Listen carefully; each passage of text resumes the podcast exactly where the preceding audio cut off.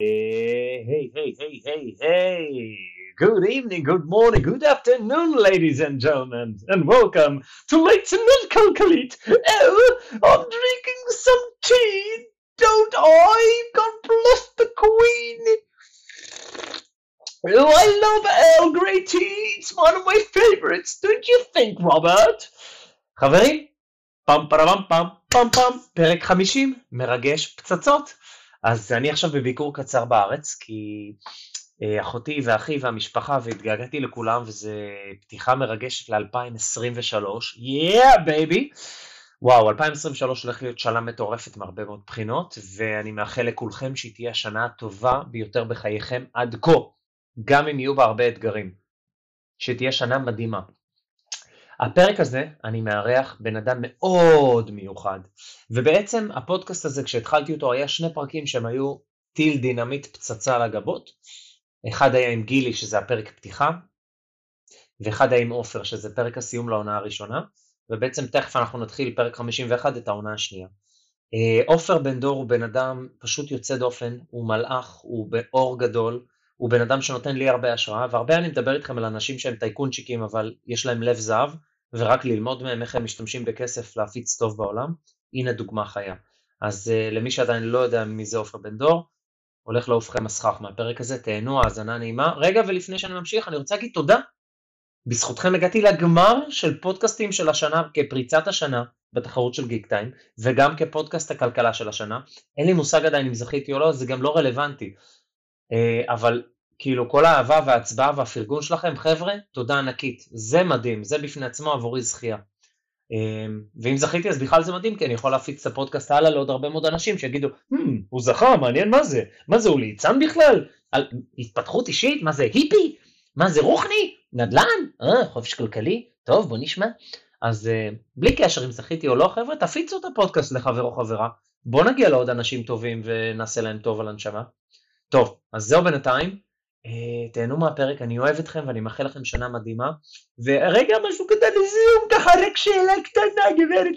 למי שלא היה בזום המטורף שעשיתי של קביעה והגשמת מטרות ל-2023, תשמעו, אני מה זה ממליץ בחום.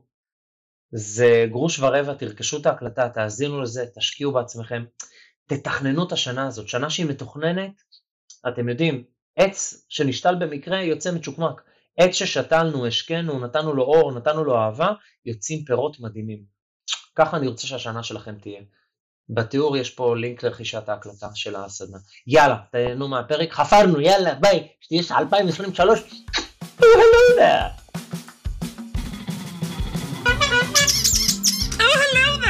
And welcome to להתעצמות כלכלית. חברים, קוראים לי יובל שוורצמן, ב-2008 אמרתי ביי ביי להייטק. כיום אני מחזיק בעשרות נכסים ברחבי העולם. הגעתי לחופש כלכלי לפני גיל 30, אני מגשים את חלום חיי כשחקן בינלאומי וליצן.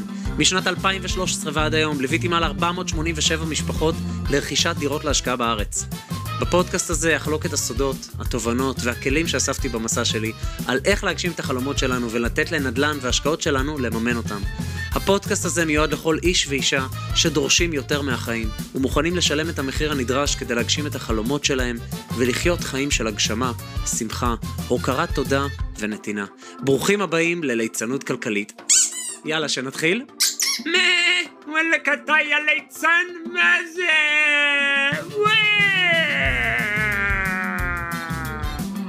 אוקיי, בואו נתחיל, די. רעיון השראה במיוחד עבורכם. יש לי את העונג לארח בן אדם מיוחד מאוד, את עופר בן דור. אני מאמין שרובכם כבר מכירים את השם הזה, למי שלא, עכשיו תכירו. עופר, שלום וברכה. שלום, שלום. תודה רבה על הזמן. אחר צהריים טובים. תודה שהסכמת להתראיין, תודה שאתה מסכים לחלוק. אה, אני, אני רוצה לתת פתיח, אני לא יודע מאיפה להתחיל. תספר קצת על עצמך לצופים שלנו. טוב, אז אה, א', אני מרגיש בן 25, למרות שחלפו מספר שנים מאז. אה, יש לי המון המון אנרגיות. אה, אני עוסק במגוון מאוד גדול של דברים. אני יכול לספר שאני ספורטאי אתגרי, מרתוניסט, מטפס הרים. הייתה לי הזכות להקים בעשור וחצי האחרונים בערך שמונה או תשעה ארגונים חברתיים. ומעבר לכך, אני עוסק הרבה מאוד בהבראת חברות וארגונים. במקצועות הבסיסיים שלי אני רואה חשבון, אני שמאי מקרקעין, כלכלן. באתי עם מקצועות מאוד מאוד פרקטיים. הרבה מאוד שנים עסקתי בהבראה של חברות מהגדולות במשק. הייתה לי הזכות גם להיות מנכ"ל של מספר חברות וגם להיות מנכ"ל של קונצרן גדול. התעסקתי הרבה בהנפקה של חברות הבורסה, אבל בעיקר בלקחת ארגונים וגם אנשים ממקום של קרייסיס, של משבר, מקום שלפעמים המצב נראה חסר תקווה, למקום שבו קודם כל רואים את האור ואת התקווה, ולאחר מכן באמצעות תוכנית גם אסטרטגית וגם טקטית, אפשר באמת להגיע למקומות אחרים. אז ב-15 שנים, ב-17 שנים האחרונות, מאז שאני כבר לא מנכ"ל, התחלתי להקים את העסקים הפרטיים שלי.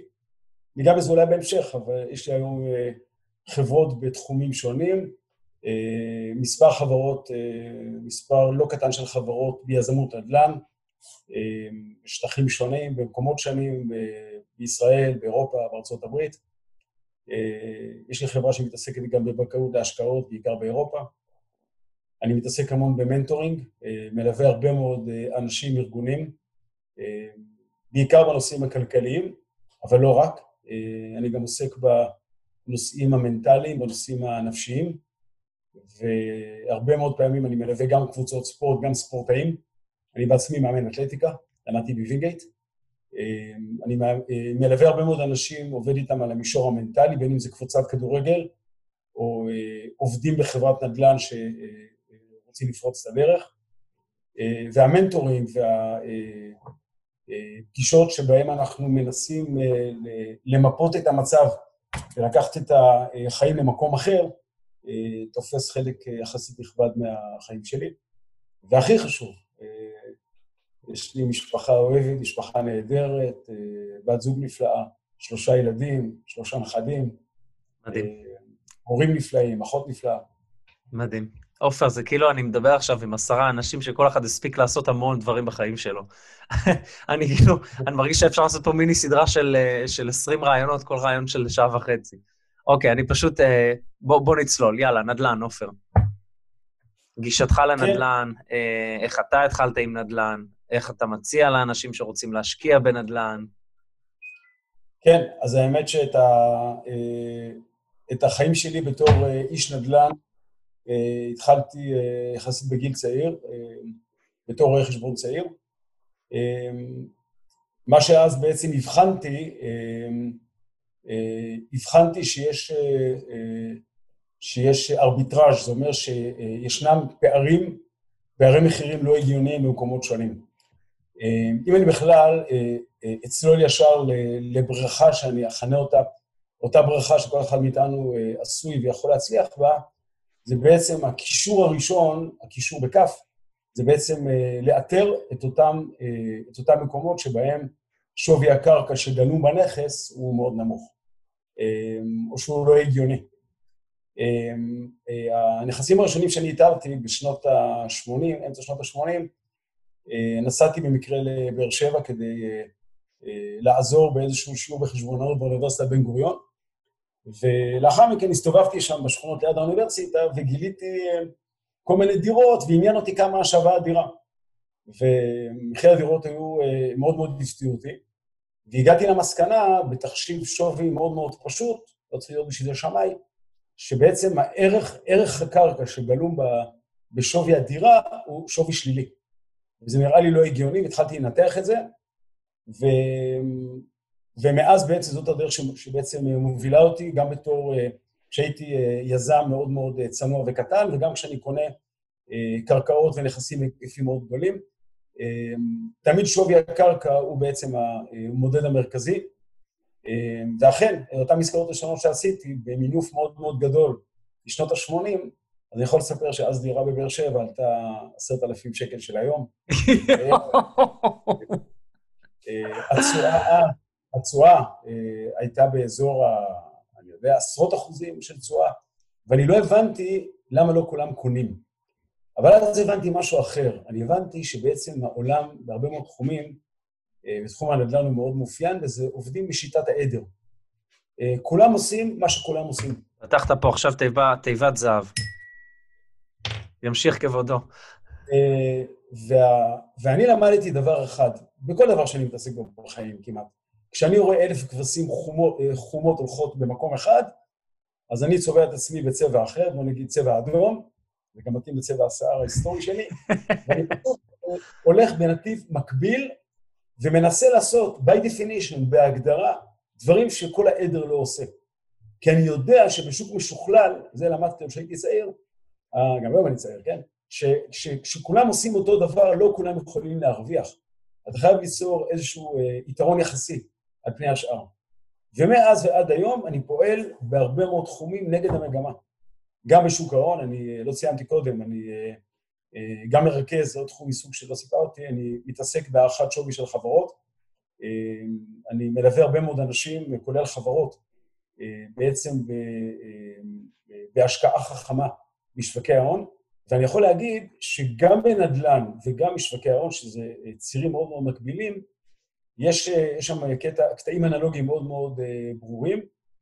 גם שם אפשר להיות קונסרבטיביים, לא לקחת ריסקים גדולים, אפשר להרוויח המון, רק מהעובדה שאתה לא עובד כמו כל העדר.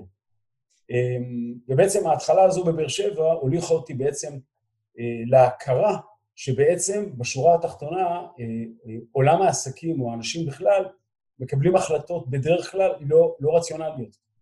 הם קונים נכסים כשערכם עולה, הם קונים מניות כשהשוק למעלה, הם מוכרים אותו, את המניות, אנחנו רואים את זה עכשיו במשבר הקורונה, כשהנכסים מתמוטטים. אני ליוויתי, הייתה לי הזכות ללוות שלושה משברים משמעותיים בארץ ובעולם. משבר אחד, שנות ה-90 בישראל, כששוק הנדל"ן היה מאוד מאוד נמוך, היה בריסשן, בהאטה מטורפת. המשבר השני זה היה בתחילת שנות האלפיים, כשאז הייתי מנכ"ל קבוצת נצבא. אם תרצה להגיע לזה, קבוצה של, בבעלותה נכסים בהיקף של מיליארדים רבים. אני, נראה לי אנחנו נעשה אודיובוק ביחד, עופר, אנחנו נעשה סדרה של רעיונות, בכל רעיון אנחנו ניגע בנושא אחר כמו שצריך, לעומק.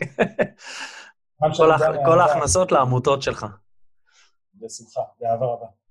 אני אוהב לעזור לאנשים בכלל, אז זו זכות גדולה בשבילי. ומשבר 2008, שהוא משבר יחסית טרי לפני, 13, לפני 12 שנים, ומכל אחד מהמשברים אני בעצם, אני ראיתי קודם כל את הפערים הגדולים, מאוד חשוב לזהות את התרבויות השונות. אני יכול להגיד שאנחנו הישראלים יחסית מגיבים בפחות היסטריה מאשר האמריקאים, הגרמנים מגיבים בהרבה פחות היסטריה מאשר האמריקאים. מצד שני, שוק הנדל"ן הגרמני, שאני אגב מצוי בו היטב, יש מספר חברות נדל"ן בגרמניה, פועל בשמרנות יתר וגם לא יודע למנף את ההזדמנויות. ומה שזיהיתי, שבעצם כשיש, כאשר מדד הפחד מתחיל לנהל את, ה, את, ה, את העולם, את האנשים, אנשים מגיבים בהיסטריה, בפאניקה, והם פשוט לא רואים בעיניים, והם מוכרים כל הבא ליד. אני ישר אקפוץ לאנקדוטה שהייתה, שליוותה אותי כשהייתי פעיל בארצות הברית, בפלורידה במקרה הזה, בראשית שנות האלפיים, אל תוך 2007. וזו דוגמה שהיא מייצגת את האסטרטגיה העסקית שלי. אני והשותפים שלי בחברה האמריקאית נכנסנו לפעילות בפלורידה בתחילת שנת 2004. השוק הזה היה זיון שם הזדמנויות שלא נוצלו, ובעצם בהון כמעט אפסי התחלנו בעצם לרכוש נכסים וליזום יזמויות.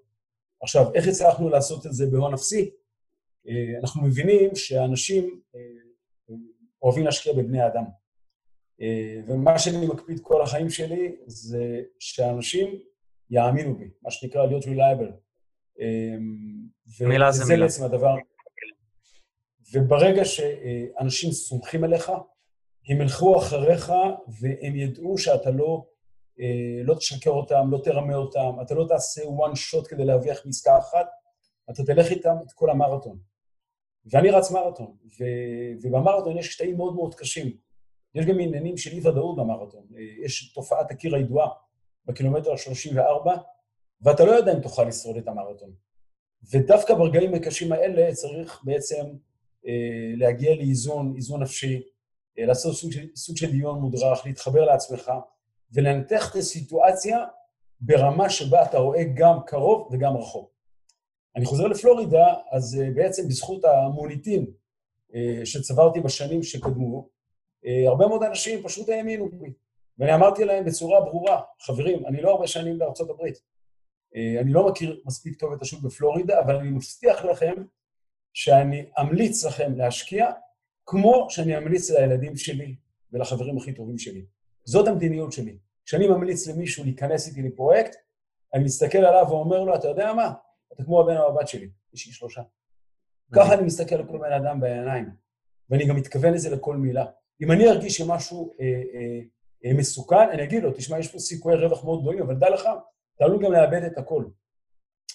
ומה שקרה, שהיינו בשוק בפלורידה בשנים המאוד מאוד מוצלחות, והרבה מאוד אה, משקיעים הצטרפו לה, אה, בעצם להשקעה איתנו ביחד, ובשנת 2007, כשהשוק היה באחד השיאים הגדולים שלו, התכוננתי לאחד מריצות המרתון שלי, אה, ואני לא אשכח את עצמי רץ שם בחום המהביל של מיאמי לפנות בוקר, ומסיים בקילומטר ה-35 של אותה ריצה. היה לי חמוד, הייתי מאוד עייף, ואז עברתי בריצה, סיימתי את הריצה ליד אחד הפרויקטים שיזמנו אותם. וראיתי תור של 80 אנשים שעומדים בתור כדי להירשם ולקנות דירה אצלנו בפרויקט. טירוף. הייתי אמור להיות הבן אדם הכי מאושר בעולם, אבל נזכרתי בעדר. ומה שמולי ראיתי, זה לא את ההצלחה הכבירה שאנחנו יכולים לגזור רווח של כמה מיליונים על הפרויקט. אני ראיתי את העדר ואמרתי לעצמי, וואלה, אם כל העדר עומד בתור לקנות דירה, אפילו שזה אצלי, ואפילו שמדובר ברווח גדול, יש לי מסקנה אחת. חזרתי הביתה, הגעתי מזה, השותפים שלי ישנו, כי זה היה, הייתה שעה שעת בוקר מוקדמת, הערתי אותם ואמרתי להם, חברים, הם אנשים אה, מאוד ידועים בשוק הנדל"ן וההון בכלל, אמרתי, רבותיי, אני בתור יושב ראש החברה מקבל החלטה. אנחנו עוזבים את פלורידה. הם חשבו שאני מטורף. אמרתי להם, רבותיי, כשהמצב הוא too good to be true, וכשאתם רואים את כל העדר הולך לכיוון מסוים, תעשו סיבוב פרסה, תצאו משם, תחפשו את ההזדמנות הבאה. מדהים. ולמרות המחאות המשמעותיות שלהם, עזבנו את פלורידה, הפסדנו חצי שנה של עליות, וכשהמשבר בפלורידה פרץ והשוק התמוטט, אנחנו כבר לא היינו שם. 2008-2009. נכון. מדהים. ומתי חזרנו לשם? 2010. בראשית 2010. למה? ענק.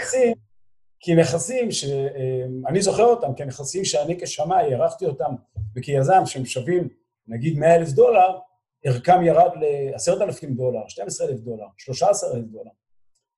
ואז ניגשתי לבנקים והקמנו, הקמתי, זה כבר היה אה, עסק שלי, אה, רק שלי, בלי השותפים, הם פחדו. אה, אותם אלה שלא רצו לצאת מפלורידה, אותם שותפים פחדו להיכנס שוב. ואז בעצם נפרדנו, ובעצם הקמתי את הקרן הפרטית שלי.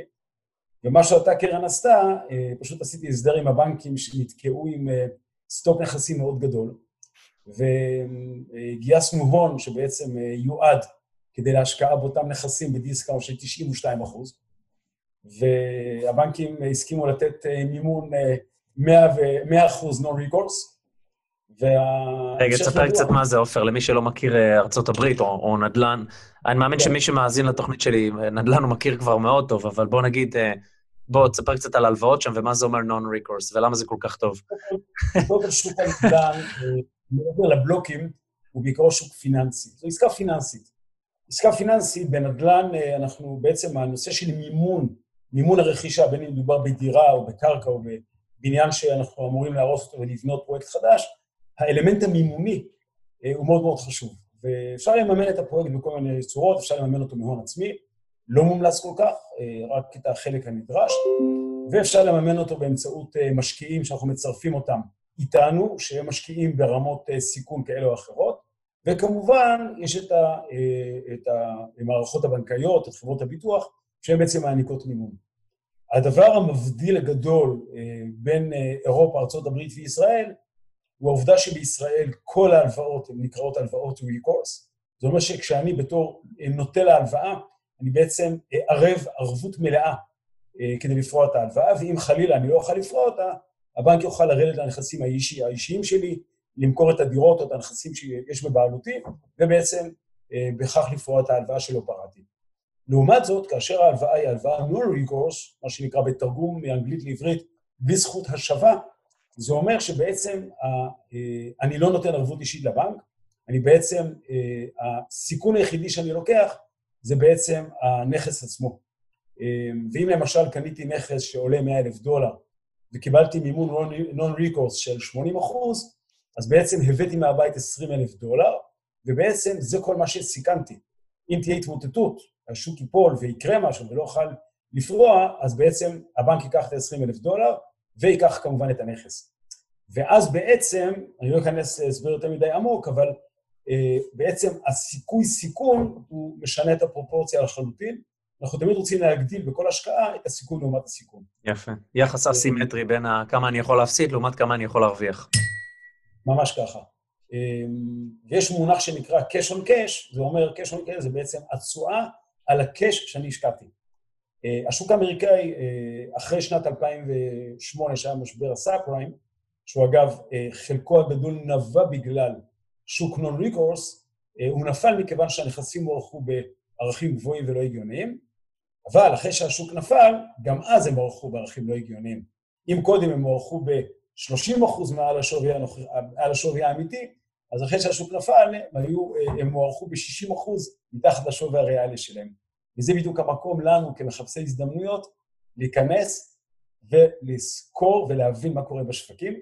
ומה שקרה אז, שאותם נכסים שאני קניתי אותם, נגיד ב-10,000 דולר, אה, והיו שווים להערכתי 80 אלף דולר או 70 אלף דולר, אה, כעבור 3, 4, 5 שנים, כל נכס לפי העניין שלו, אה, היו שווים בממוצע פי 6, פי 7, והיום אגב הם כבר שווים פי 15 מאשר אותה תקופה, וזה רק מראה כי בעצם מתי העדר הצטרף, תמיד אני אחזור לעדר, העדר הצטרף באזור 2016-2017. כלומר, רק כשהעדר ראה והטראומה של ההפסדים של 2008-2009 קצת הועמה, כלומר, היה קצת איום באותה פוסט-טראומה, אז הם התחילו להיכנס. ואז השוק, הם קנו את הנכסים בשווי כבר אותו נכס שהם מכרו אותו בזמנו ב-20 או ב-15, ולא קנו אותו כשהוא היה שווה 15-20, אה, אה, הם קנו אותו כשהוא היה שווה 80. למה? כי הם עדר, כי הם אומרים, אם השוק הגיע ל-80, סימן ששווה להשקיע. כן. אה, וזאת הטעות המנטלית. קודם כל, אנחנו מבינים, אמרנו, שוק הנדל"ן יש לו בעצם שני אלמנטים מרכזיים. אלמנט אחד זה אלמנט המימוני, והאלמנט השני זה האלמנט המנטלי, הפסיכולוגיה, הפסיכולוגיה של ההמונים. עכשיו, לא סתם לקחתי הרבה מאוד קורסים בפסיכולוגיה בחיים שלי, כי אני יודע, אני גם עוסק בזה בעבודה שוטפת, אנחנו יודעים שבסופו של דבר אה, אפשר לעשות המון המון הון וכסף ולהתעשר מניתוח פסיכולוגי נכון של בני אדם. וזה מה שמעניין אותי. אה, שאלה אותי עיתונאית לא מזמן, היא אומרת לי, אתה מקים הרבה מאוד בניינים ברחבי העולם, מה בעצם מעניין אותך? אמרתי לה, תשמעי, אנחנו משקיעים בעצם, אנחנו מתעסקים בכמויות בטון בלתי רגילות. אם אני אקח את כל הפרויקטים שהחברות שלי מקימות או הקימו, זה לא יודע, זה מיליוני קוב של, של, של, של, של טונות של בטון. אבל מה שאותי מעניין זה לא הבלוקים של הבניינים, אלא בעיקר האנשים שמתגוררים בתוך הבניינים. זה בעצם מה שמעניין אותי, וזה בדיוק העניין.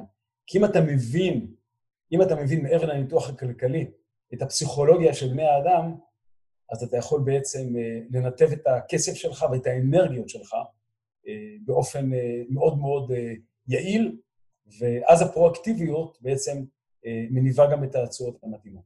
מדהים. עופר, ש... מדהים. אוקיי, שאלה. אז אתה התחלת בתחילת דרכך בשנות ה-80 בבאר שבע בדירות, ומתי עברת ליזמות? זאת אומרת, מתי אמרת, אוקיי, אני מתחיל לחשוב בגדול, אני רוצה, מה שנקרא, לקחת קרקע, להרים בניין או, או כל די, רמת יזמות אחרת?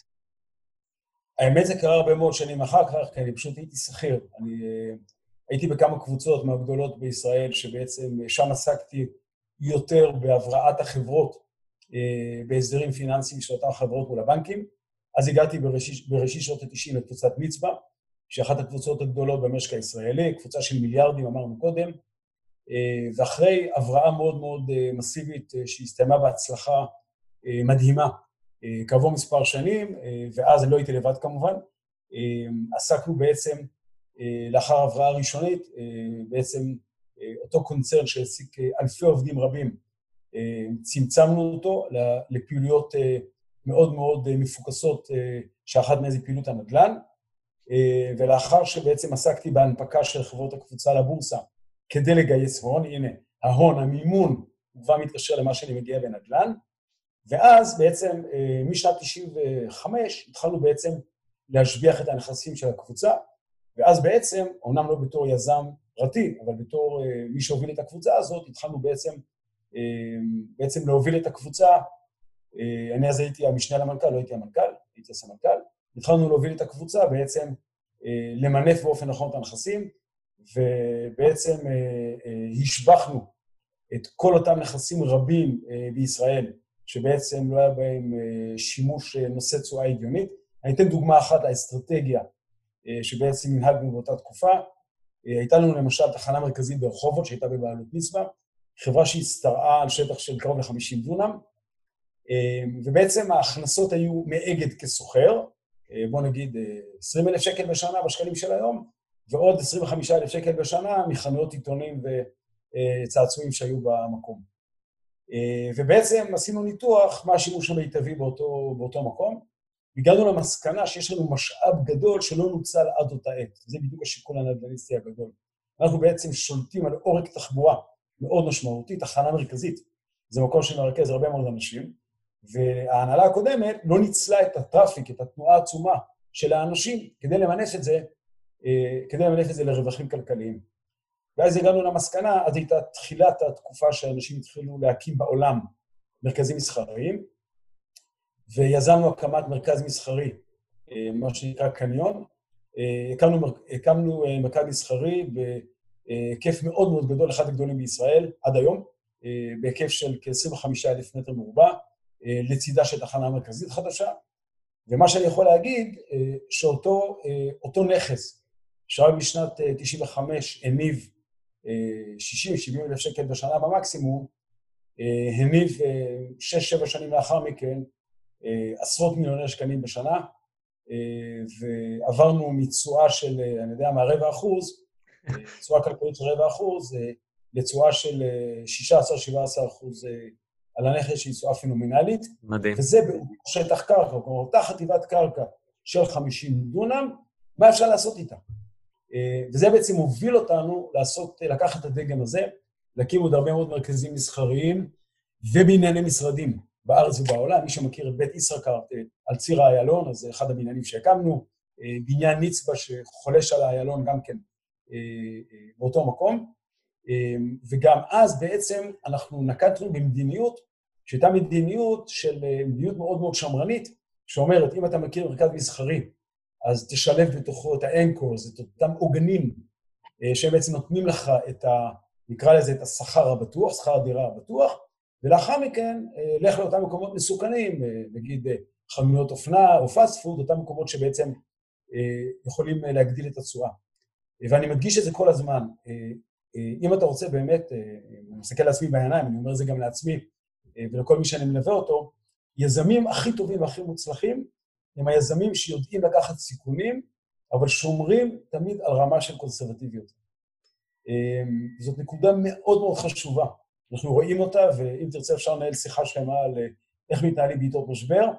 אני יכול להגיד, אני קופץ לשנייה אחת לקורונה של היום. בדיוק אתמול עשיתי, ערכתי מועצת מנהלים לחברה שלנו בישראל, ואנחנו הכנו מבעוד מועד תוכנית אסטרטגית לשלושה תסריטים. וזה אגב נכון לגבי כל איש עסקים. בכל מצב, אני תמיד מסתכל שנה, שנתיים קדימה, ועושה שלושה תסריטים לגבי ההתנהלות הכלכלית של החברה. תסריט אחד זה התסריט הריאלי, מה שאני מעריך שיקרה, לפי כל הנסיבות. תסריט שני זה תסריט אופטימי, והתסריט השלישי, שלפיו אני מקבל הרבה מאוד מההחלטות, זה התסריט הפסימי ביותר. כלומר, אם יקרה הרע מכל, ולמשל, בואו ניקח דוגמה, אנחנו נמצאים בשיא האי-ודאות של הקורונה, בוא נגיד, נתתי הנחיה למנכ"ל, אמרתי לו, תשמע, תניח הנחת עבודה שהחברה לא מוכרת דירות במשך שנתיים. לא סביר, לא הגיוני. אני יודע, יופי, אני רוצה לדעת מה קורה. אנחנו תמיד עושים מה שנקרא בדיקות רגישות. What if? מה יקרה אם? אני רוצה לראות תסריט איך החברה מוכנה לסיטואציה שכרגע כולם סגורים בבתים תקופה ארוכה, ובגלל פוסט-טראומה לא קונים דירות.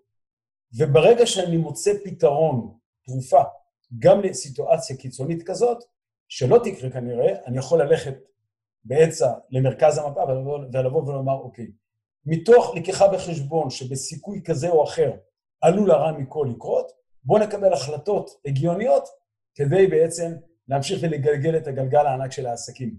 אוקיי, לא להיכנס למה שנקרא לסטגנציה, להיות במצב שממשיכים ליזום, ומאוד מאוד חשוב שמדד הפחד לא ינהל אותנו.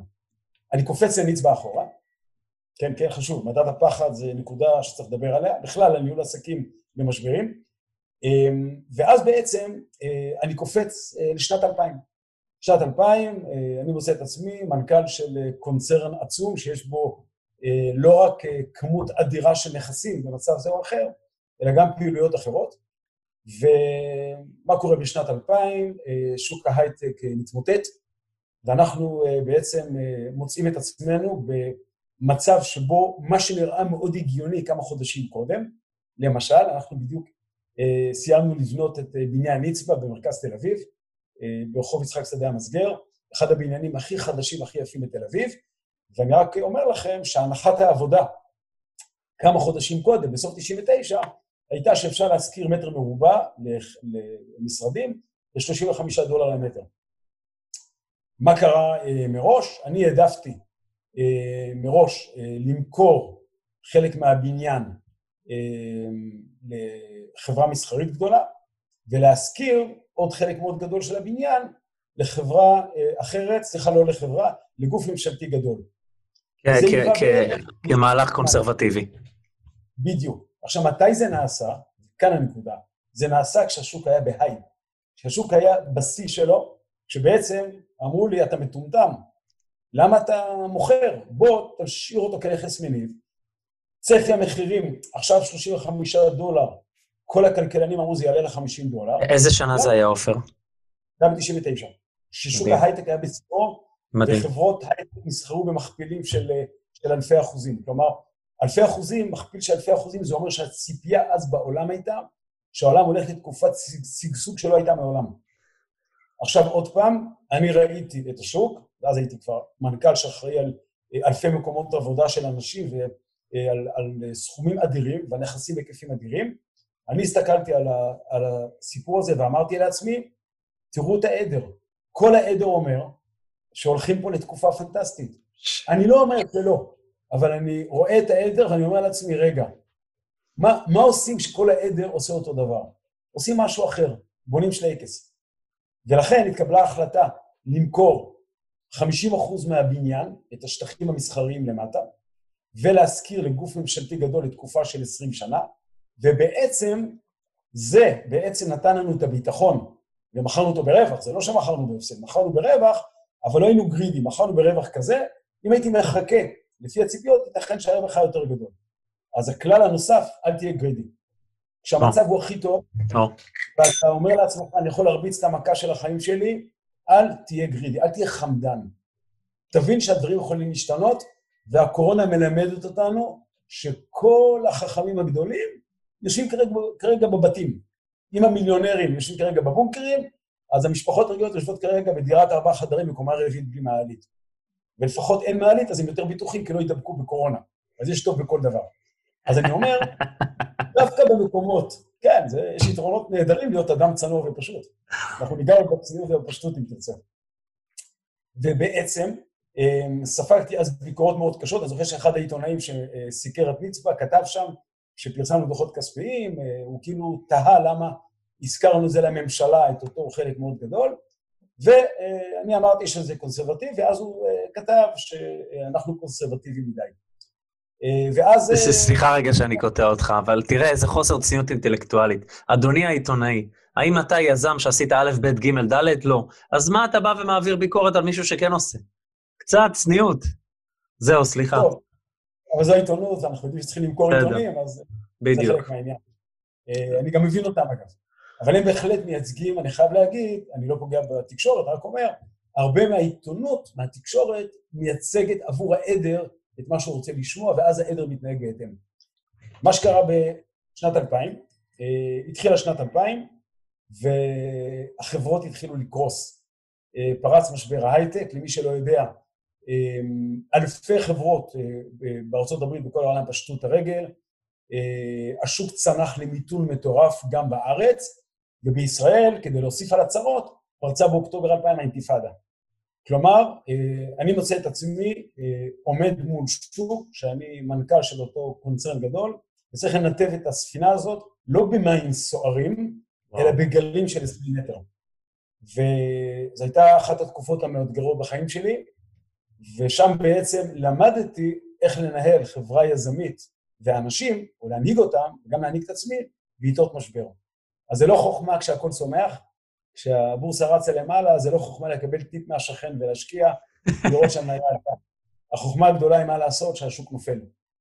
והניתוב של אותו, אה, אותו קונצרן ענק במים הסוערים אה, בעצם אה, לימד אותי את השיעורים של החיים שלי לגבי יזמות, אבל בעיקר, ופה אני מתחבר למה שאמרת, לגבי צניעות, לגבי ענווה, לגבי להבין שיש דברים גדולים מאיתנו, ואנחנו לא, גם אם עשינו 100 עסקאות מוצלחות בחיים, שלא נהיה בטוחים שהעסקה ה-101 תהיה טובה. כלומר, אני לא מאמין, אני לא מאמין שיש לי מגע זהב בידיים מעסקאות. לא מאמין.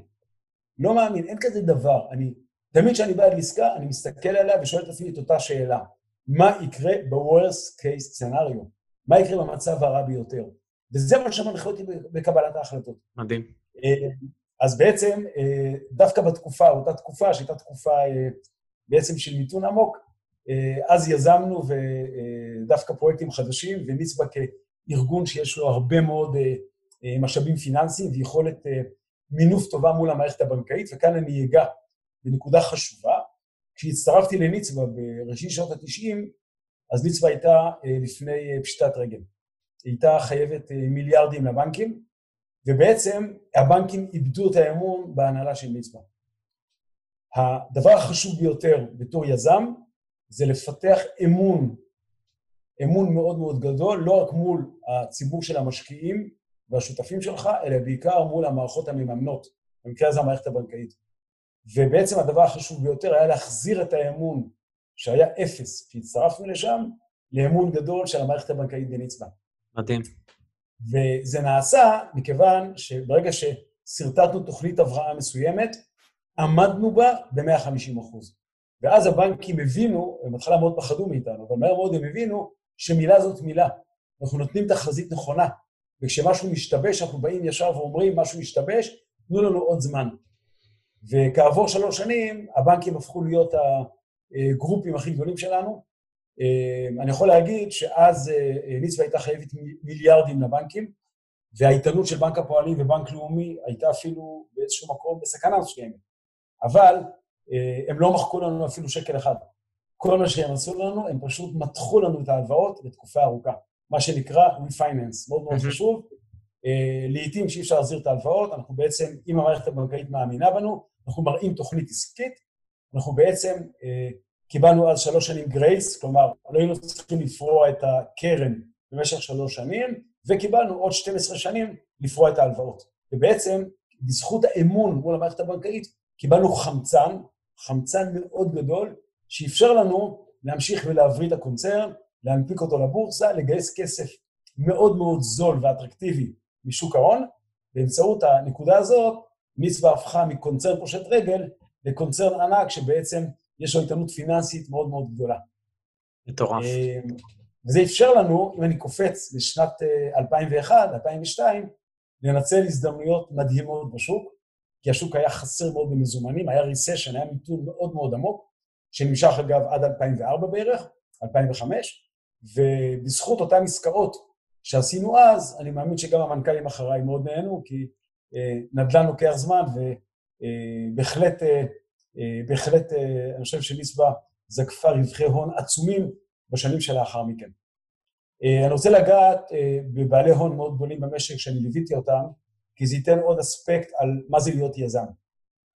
אני לא אגיד שמות, אבל מי שיעשה אחד ועוד אחד יוכל לגעת בהם. אני לאחר הפרישה ממצפה ליוויתי שלוש דמויות שהן לא קשורות אחת לשנייה, שבעצם היו ממלכי שווקי, שוקי העסקים בישראל. לגבי אחת הדמויות האלה, אני רוצה להגיד, ואני רוצה לגעת באותם ידי זהב. אותה דמות ניהלה עסקים בהיקף עצום ונחלה הצלחות פנטסטיות, ובאיזשהו שלב, כמדומני זה היה משנת 2007, כשהשוק היה שוק מאוד מאוד טוב, אותה דמות, אני לא אומר איזה גבר או אישה, עשתה השקעה מאוד גדולה בתחום שהיא לא הבינה בו. תחום אחר, שהיא לא הבינה בו בכלל.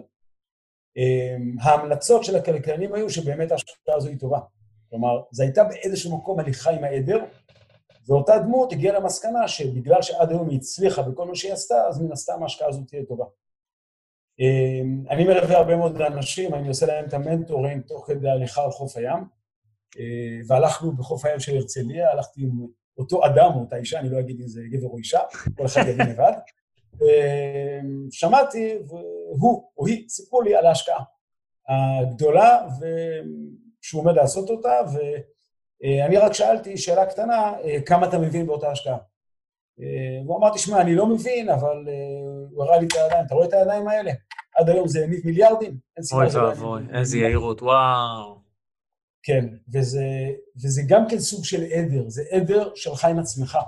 אתה נכנס הביתה ואתה מאמין שאם אתה עושה משהו, עד עכשיו הצלחת, זה יהיה forever, לעולמים. ומה שקרה, שאותה השקעה נעשתה, אמ, בחצי שנה הראשונה היא הניבה לאותה, לאותה דמות רווחי עתק. אמ, השוק הלך עם ההשקעה. אמ, ואז אה, נפגשנו כרגיל בחוף הים, ואותה דמות צחקה עליי, והוא אמר לי, תשמע, אתה רואה מה זה, איזה רווחי עתק? אמרתי לו, תשמע, אני אה, לא מתעסק בהימורים, אני אה, רק חושב שאתה עדיין לא מבין באותה השקעה, אבל עכשיו שזה עלה, תמכור מהר. יש לך, אל תהיה גרידי. כמובן שהוא צחק עליי, או היא צחקה עליי, והתשובה שלהם הייתה, אנחנו שמים עוד סכום מאוד גדול, כי אם הצלחנו להרוויח סכומי עתק בחצי שנה, למה שזה לא יקרה בשנתיים הבאות? ואז הגיע משבר 2008. וואו. ומה שקרה לאותה דמות, לאותו קונצרן ענק, שהם היו בפסגת האברסט, ואני מתעסק בטיפוס הרים, ואני יודע שבהרים יש מפולות שלגים, ההשקעה הזו צנחה למטה, מוטטה חלק נכבד מהעסקים, מהעסקים של אותה דמות עסקית מאוד ידועה, ומה שאני רוצה להגיד, זה הכל פסיכולוגיה פה. כי בעצם אה, הם לא הבינו ממש את המהות של ההשקעה, אבל הם הסתמכו על ההצלחות הקודמות. אז אני אומר, גם אם אה, בניתי עד היום 100 בניינים והצלחתי בכולם, אז שאני עכשיו בודק, והמנכ"ל של אחת החברות שלי, אחד המנכ"לים, הביא לי עסקה מסוימת באיזושהי מדינה לפני מספר ימים, הוא אמר, תשמע, עסקת זהב, עסקה פנטסטית. ואני בחנתי את העסקה, ובמקרה העסקה היא עסקת אה, מזומן. אמ, אמרתי לו, אוקיי, אה, תראה לי תסריט, הוא ראה לי רווחים באמת אדירים. אה, אמרתי לו, תראה לי תסריט, מה קורה אם אה, עלויות הבנייה עולות ב-20% ומחירי המכירה יורדים ב-20%. רק תראה לי מה קורה במצב כזה. הוא אמר לי, אבל זה לא יקרה בחיים. אמרתי לו, אולי זה לא יקרה, אבל אולי במצב קיצון זה כן יקרה. בוא תגיד לי מה, מה עושים. והוא חזר ואמר לי, עדיין אנחנו יכולים אולי להרוויח משהו. אה, ואז אמרתי לו, אוקיי, איך העסקה? ואז הוא אמר לי, זה רכישה של איזשהו נכס ב-20 מיליון דולר במזומן, אה, כי בעסקת מזומן אפשר להרוויח הרבה מאוד. אה, רגע, עופר, תפתח שם סוגריים, תיכנס רגע לחדרון הזה שעכשיו, מה שנקרא, ליטפת עם היד. למה? בסדר. כשאנחנו בעצם רוכשים נכס, אפשר לרכוש אותו או במזומן, כלומר להביא מהבית את כל הכסף, או אה, לממן אותו במימון בנקאי או מימון אחר על ידי משקיעים, או לשלב בין שלושת המרכיבים. אני אגב משלב בדרך כלל בשלושת המרכיבים, מביא סכום מסוים מהבית, אה, אה, עושה מה שנקרא construction loan, בעיקר בפרויקטים של מגורים, אבל גם במסחר זה נכון. אני בעצם סוגר עסקה עם הבנק, שבו הבנק מלווה את כל הפרויקט, הוא בעצם מממן לי, מממן לי בעצם את מרבית העלויות, בדרך כלל בין 50 ל-70 אחוז מעלויות ההקמה של הפרויקט. אה, ואת היתרה בעצם אני יכול להביא או ממשקיעים אה, או בשוק ההון או במקומות אחרים. יש משמעות עצומה לכמויות המזומן שאנחנו בעצם משקיעים. אה, בגדול, בשווקים נורמליים היינו מצפים להשקיע כמה שפחות מזומן ויותר למנף. עכשיו, יש כאן נקודה שהיא אופיינית לשוק הנדל"ן בלבד או בעיקר, וזה זמן התכנון. יש את השלב שבו אנחנו קונים את הנכס. נגיד קנינו קרקע. ניקח את ישראל. בישראל יש כמה גורמי סיכון. גורם הסיכון מספר אחת בישראל זה זמן התכנון. פרק הזמן מרגע שקנינו את הנכס עד הרגע שבו קיבלנו את היתר הבנייה. ופה יש משמעות עצומה האם קנינו את הנכס במזומן, או שעשינו למשל עסקת קומבינציה. עסקת קומבינציה זו עסקה שבה אנחנו לא משלמים עבור הקרקע היום, אלא אנחנו בעצם, כאשר יתקבל היתר בנייה, אנחנו נקים איקס דירות, נגיד חצי מהדירות של הפרויקט, עבור בעל הקרקע. ואז בעצם ההוצאה הראשונה עבור, ה, עבור הקרקע תהיה תוך כדי תהליך הבנייה.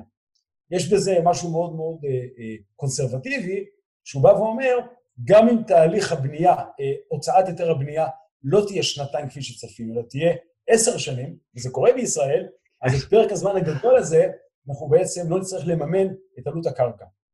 ולכן, אם אני אסתכל היום על השוק הישראלי, ההמלצה שלי אגב, לא רק היום, היא המלצה עתיקה כבר, בעיקר ליזמים שאינם עתירי הון, אל תעשו עסקאות מזומן. תעשו, תעדיפו עסקאות קומבינציה, וזה אני אומר חד משמעית.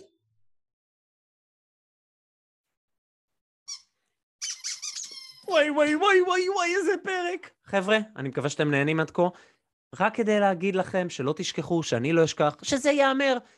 אם אני יכול לעזור לכם ברכישת דירות להשקעה, אתם מוזמנים להיכנס לאתר שלנו, Smart Start, co.il.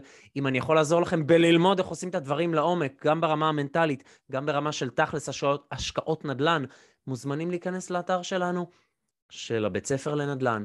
מה אני אגיד לכם? תכף ממשיכים. למרות ששום דבר הוא לא חד משמעי, אבל זה כמעט חד משמעית, ואני אומר, גם אם התחשיב הכלכלי בעסקת הקומבינציה מראה על רווח פחות גדול, כי יותר יקרה, עלות הקרקע בעסקת קומבינציה היא יקרה יותר מאשר, ב, מאשר בעסקת מזומן. אל תהיו גרידים, תגנו על עצמכם, מכיוון שבמדינת ישראל, בגלל התהליכים הבירוקרטיים המאוד מאוד ארוכים, אני יכול לספר מניסיון אישי כמה דוגמאות, אנחנו בעצם אה, לא נדע לעולם מתי נקבל את היתר הבנייה. כן. ואני אתן דוגמה דווקא מעסקה שהחברה שלי, שהיא מאוד מנוסה, אה, חברה ישראלית שלנו, בעצם יזמה פרויקט במקום מאוד מרכזי בגוש דן, אני לא מציין את שם המקום מטעמים של ראש העיר וכן הלאה, ובעצם אנחנו הערכנו, על פי הניסיון העסקי שלנו, שייקחנו בערך בין שלוש לארבע שנים לקבל את היתר הבנייה, מדובר על הקמת פרויקט מגורים במקום מאוד אטרקטיבי בהיקף של 124 יחידות דיור. אני יכול להגיד לכם ששמונה שנים, שמונה שנים מיום שבו חתמנו על העסקה, עדיין לא קיבלנו יותר בנייה. על ההיסטר. לא כי אנחנו יזמים גרועים, אנחנו אנחנו באמת יזמים טובים. אבל, אחד, אנחנו לא משלמים שוחד לאף אחד. שתיים, אנחנו לא מתפשרים על דברים שמאוד חשובים לנו, בתהליך של תכנון הפרויקט עצמו. ושלוש, התהליכים הבירוקרטיים באותה עיר ספציפית, כולל חילופי ראשי ערים, הביאו לכך שהם בעצם לא הצליחו לקבל החלטות שאפשרו לנו אה, לקבל את היתר הבנייה. אה, אני יכול להגיד את הדבר הבא, אה, כשהתחלנו את הייזום של הפרויקט, כשחתמנו על העסקה, היו לי שתי אפשרויות, היו לנו. אפשרות אחת זה בעצם לקנות את הקרקע במזומן, אה, מדובר בקרקע ששווה עשרות מיליונים, או לעשות עסקת קומבינציה. אני יכול לספר לכם שעשינו שני תחשיבים מקבילים. בעסקת המזומן, הרווח על העלויות אמור היה להיות באזור 23.5 אחוז, שהוא רווח יזמי מאוד גדול. אם תרצו ניגע בזה מתישהו, רווח מאוד גדול. הממוצע בישראל הוא 15 אחוז על העלויות. מעניין מאוד. בעסקת, קומבינה, בעסקת קומבינציה, יצא לנו שהרווח הוא פחות מ-20 אחוז, הוא באזור ה-18.5 אחוז. חד משמעית, לא היה לי בכלל פיקפוק בעניין הזה, בגלל שעלות הקרקע הייתה מאוד מאוד גדולה, ההחלטה שלנו הייתה חד משמעית ללכת לעסקת קומבינציה עם רווח חזוי קטן יותר, במקום לקנות את הנכס במזומן. בדיעבד, אם היינו קונים את הנכס במזומן, מה שאז צפינו שתוך שלוש-ארבע שנים נקבל היתר בנייה, רק העובדה שמאז חלפו שמונה שנים ונגיד שיתר הנתונים לא השתנו, היינו כבר אז נמצאים, בגלל המימון, עלויות המימון הגבוהות, היינו כבר נוחתים במצב של היום ל-13% רווח במקום 23. כן. כלומר, וכשנשארנו בעסקת קומבינציה, אני יכול לספר לכם, אנחנו עדיין ב-18 וחצי. כלומר, הנתונים הוא אפילו 19 אחוז. כלומר, מכיוון שאנחנו לא צריכים לממן את עלות הקרקע, כן. אז בעצם עסקת הקומבינציה מגינה עליהם. מדהים. אז כאשר זה אפשרי, אנחנו תמיד נעדיף כיזמים, ככל שעסקה גדולה יותר, ללכת על עסקאות אה, קומבינציה. מדהים. אז זה בעצם ככה אה, פרמטרים כדי להבין אה, את השיקולים בכלל, אה, האם ללכת על העסקה, לא ללכת, ובאיזה אופן, בעצם ה structure, המבנה של העסקה, הוא בעצם הדבר החשוב כאן, באיזה אופן אני בונה. יש המון המון אה, מבנים אפשריים לעסקאות נדל"ן. עופר, זה, בנוג... זה מה שנקרא הליגה של ה big boys, בנייה, יזמויות. בוא, בוא נלך רגע למה שנקרא לאדם הפשוט, דירה להשקעה. איך אתה בוחן דירות? אז כך, אז קודם כל, אה, אני הולך... עופר, אני חייב להגיד לך שזו פריבילגיה מטורפת לדבר עם מישהו, כי זה מרגיש כאילו אני מדבר עם מישהו עם אנרגיה של אה, בשנות ה-20 המוקדמות לחייו, וזה מה שנקרא, זה הבונוס של מה שקורה למי שחי את התשוקה שלו ועושה ספורט באופן קבוע, ומצד שני, יש לך ניסיון חיים מטורף. מטורף. ראית כבר כל כך הרבה משברים, זה... זה, זה... תודה על חלוקת הידע, זהו. ימשיך כבודה, אני שותק. תודה לכם. אתה יודע, שום דבר לא מובן מאליו. אני קם בבוקר, אני אומר לעצמי, שום דבר הוא לא מובן מאליו, אז אני חושב שזה חלק מהעניין. אני חושב שתמיד כשאנחנו תורמים ידע, אנחנו גם מקבלים ידע, ואני באמת, אני, אני, יכול, אני יכול להגיד, ככה, בהמשך לדברים שאמרת, אני לא מפסיק ללמוד כל החיים שלי. כל החיים שלי אני לומד, אני לא הפסקתי לי שנייה אחת ללמוד, למדתי המון המון מקצועות, ולא סתם למדתי גם הרבה מאוד מקצועות פסיכולוגיים, כי אני הבנתי שהכלכלה מבוססת קודם כל על הפסיכולוגיה. אה, ולא סתם הלכתי ללמוד חינוך גופני בווינגייט, כי כשאני אה, אה, מאמן קבוצות אתלטיקה, בין אם של אנשים עם צרכים מיוחדים, שזה, אם תרצה ניגע בשיחה אחרת, כי יש לנו כל מיני עמותות שבעצם עושות ספורט לאנשים עם צרכים מיוחדים, ובין אם אני מאמן, מאמן יחידות עילית של צה"ל או, או ציבורים אחרים, אני יודע שהמרכיב המנטלי והניתוח הפסיכולוגי הוא בעצם אחד הבסיסים להצלחה.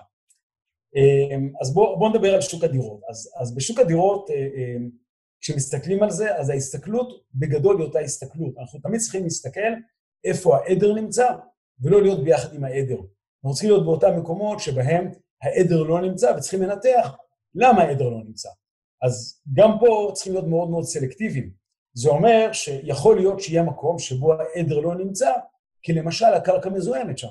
אז אני לא אקנה דירה במקום שבו יש pollution, זיהום אוויר, או שהקרקע מזוהמת. אנחנו יודעים שלמשל ברמת השרון יש אזור מסוים שהוא אזור שהקרקע מאוד מזוהמת, אז גם אדם שהוא אה, רואה שהעדר לא הגיע לשם, הוא יבין למה העדר לא קונה דירה במקום המזוהם, או, או מעל קו מתח גבוה שעלול לגרום לכל מיני מחלות וכן הלאה וכן הלאה. אמ, וכאשר אדם בעצם מסתכל על אה, דירה, ונגיד שהוא רוצה לקנות דירה אה, או להשקעה או להשבחה מסוימת כדי ליהנות מרווח, אה, הוא צריך להגדיר לעצמו, דבר ראשון, אחד, איפה העדר לא נמצא, אמרתי, דבר שני, מה אורך הנשימה שלי. וזאת אולי הנקודה החשובה ביותר. כי בעצם יש שלוש מילים שהן אותה מילה שחוזרות על עצמן, בעצם שש מילים, פעמיים נגיד. פעם אחת בנדל"ן, location, location, location, פעם שנייה בהחלטת השקעה, liquidity, liquidity, liquidity. זה אומר מיקום, מיקום, מיקום, נזילות, נזילות, נזילות. כלומר, כלומר, אני תמיד צריך להסתכל על המיקום של הנכס ולהסתכל בלובן של העיניים ולהגיד לעצמי את הדבר הבא. מה יקרה אם אני לא אוכל לממש את הדירה הזו במשך מספר שנים? כלומר, גם אם השוק נמצא בהייט מטורף, שיש המון המון עסקאות והשוק עולה, הנה היינו עכשיו בעשור הזה, מ-2009-2010 השוק עולה ללא הפסקה. תמיד תחשבו איך תתנהגו אם השוק ייעצר. הנה, עכשיו השוק, להערכתי, יקבל עצירה מסוימת, יש הרבה מאוד ניתוחים אה, אה, מה צפוי להיות, אבל בטח ובטח בזמן הראשון, בגלל הפוסט-טראומה הפסיכולוגית, אנשים ימשיכו לגור, אבל אנשים בגלל פוסט-טראומה, בגלל פחד, כי מדד הפחד והפאניקה ינהלו אותם, ישבו על הגדר. ואז מי שלמשל קנה דירה במקום טוב והשכיר אותה בצורה יפה, ו... או קנה ושיפץ דירה ורצה למכור אותה, ובנה תחזית עסקית. בדצמבר 2019, רק לפני שלושה-ארבעה חודשים, כל התחזיות אמרו שנגיד שהדירה שהוא קנה ב... נגיד במיליון שקל, שיפץ אותה ב-200, שהוא יכול אה, למכור אותה נגיד במיליון וחצי. אה, זה בעצם יהיה הרווח היזמי. העולם השתנה. העולם השתנה. יכול להיות שמיליון וחצי הוא יהיה עכשיו אה, מיליון 200, או מיליון 300 בטווח הקצר, לא כי הדירה לא שווה, כי מדד הפחד מוריד את השווי שלה בטווח המיידי. והדבר השני, גם אם הוא ירצה למכור אותה, הוא לא יוכל, כי השוק נעצר. למה הוא נעצר? כי אנשים פוחדים, אנשים בטראומה. מצב כזה, זה מצב שהוא בניגוד לכל התחזיות של 2019, כי כל העדר אמר שאפשר למכור אותה במיליון וחצי, אבל העולם משתנה. אז זה לא נכון לנהל את העסקים מתוך תחושה שמחר העולם ייפול, זה לא נכון. אבל צריכים לקחת בחשבון שאם השקעתי באותה דירה שקניתי את השקלים האחרונים שלי, קרי את הנזילות האחרונה, נגיד שהיו ברשותי 300 אלף שקל הון עצמי, ואני לא שמרתי לי כסף בצד לימים גשומים, והשקעתי את הכל בדירה, ובוא נגיד שעכשיו אני לא עובד במשך כמה חודשים, כי מקום העבודה נגיד הוציא אותי לחל"ת, לחופשה ללא תשלום, ואני צריך 20 אלף שקל כל חודש ואין לי אותם, ה-300 אלף שקל האלה חסרים לי, אני לא יכול לממש אותם. אז דירה, נדל"ן בכלל, צריכים להביא בחשבון, זה נכסים לא נזילים. אז כאשר הולכים לעשות עסקה, תשמרו תמיד סכום לימים גשומים. יש כלל אצבע. כלל האצבע אומר, וזה לא בגלל הקורונה, זה נכון לגבי כל דבר, תמיד תשמרו בצד נזילות לפחות לארבעה חודשי מחיה. לפחות לארבעה חודשים, אני ממליץ חצי שנה. כלומר, אם אתם, עולה לכם בחודש לחיות 20 אלף שקל, תשמרו בצד סדר גודל של 100 אלף שקל. זה סדר הגודל. מאוד מאוד מאוד חשוב. אה, אני מלווה, פונים אליי, אה, אה, פנו אליי איזה אלפיים אנשים ליוצאים, ליוצאים על החלטות פיננסיות בתקופה הזאת. אני יכול לחלק את אותם אלפיים אנשים, שחלקם בעלי עסקים, לשתי קבוצות עיקריות. אותה קבוצה שהשקיעה את הכל בנכסים לא נזילים, ואותה קבוצה שהיא נזילה.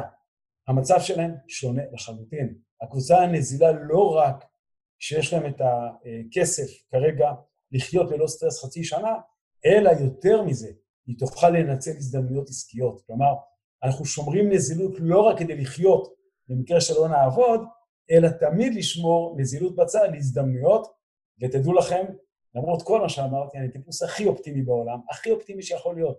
אני יודע שיש אין ספור הזדמנויות, והנקודה הכי חשובה זה סבלנות. אם אתה סבלני מספיק, אתה יודע לדוג את ההזדמנויות בזמן. אני חושב ששוק הדירות, גם בישראל, אבל בטח ובטח בעולם, יספק לנו מיליוני הזדמנויות. מיליוני הזדמנויות. אה, אני עכשיו עומד להקים קרן, שאגב, אה, תגייס כספים, אה, אני קורא לזה ניצול הזדמנויות נדירות של פעם ב-20 שנה, ככה אני, פחות או יותר זה יהיה שם הקרן. אולי שם לא סקסי, אבל מטרה מאוד סקסית. ואני רוצה להגיד לכם, יש כאן הזדמנויות שפשוט ילכו ויהיו טובות יותר ויותר בתקופה הנראית לעין.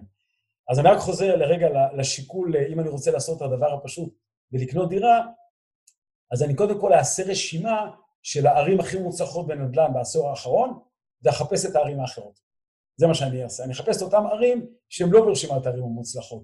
אני אחפש את אותן ערים שבהן היו המלצות שליליות, אל תקנו דירות. שם אני אתעמק, ואני אנתח מה בעצם עומד לקרות שם, מה שבדרך כלל קורה בנדל"ן למגורים, ואני בטח לא מחדש שום דבר, שאנחנו תמיד אה, את אותן שכונות שלא צמחו, אנחנו נחפש, נגיד, אה, ניקח את השכונה המוצלחת, את העיר המוצלחת, נחפש את המקום הכי קרוב לידה, שעדיין לא צמח, ונלך ונבדוק שם, כדי בעצם לקנות בדיסקאונט, במחיר, בדרך כלל במחיר נמוך, כי אנחנו יודעים שהנדל"ן מתפשט.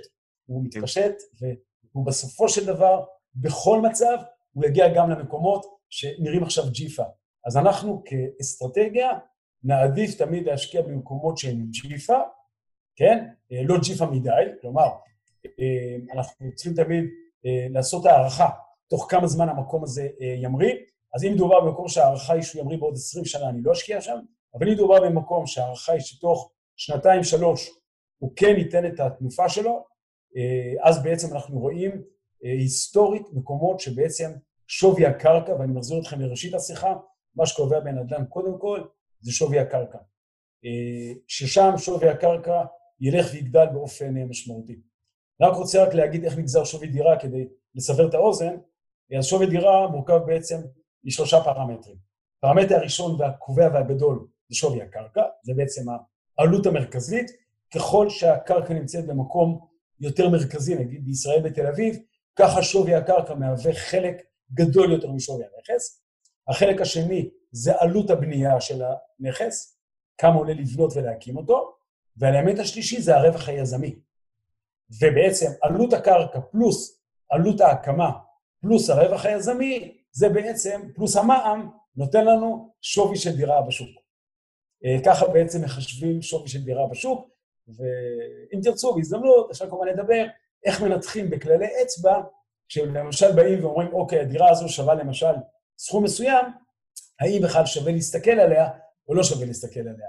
או אם מחר בבוקר ניתקל בשטח קטן שאפשר להקים עליו, נגיד בניין צנוע של אפילו אה, ארבע דירות או חמש דירות, אז אה, באותם כללי אצבע אנחנו נוכל להבין האם להגיד ביי ביי לבעל הנכס שזה לא מהותי, כלומר שזה בכלל לא, אה, הוא, הוא בכלל לא בכיוון, המחיר יקר מדי, או שנבין שיש כאן הזדמנות, ויש בהקשר הזה מי שיודע לנתח, מקבל את כלי ההשקעה הבסיסיים האלה, יודע לאבחן הזדמנויות מאוד מאוד טובות. מדהים. שאלה, אני לוקח אחורה. היית מנכ"ל של חברות מאוד מצליחות, עזבת ויצאת לדרך עצמאית. זה לא מהלך שגרתי. זאת אומרת, בדרך כלל, אתה יודע, אה, כשנוח לנו, אנחנו לא עושים שינויים. אנחנו עושים בדרך כלל שינויים כשל, כשלא טוב לנו. שאלה מדהימה.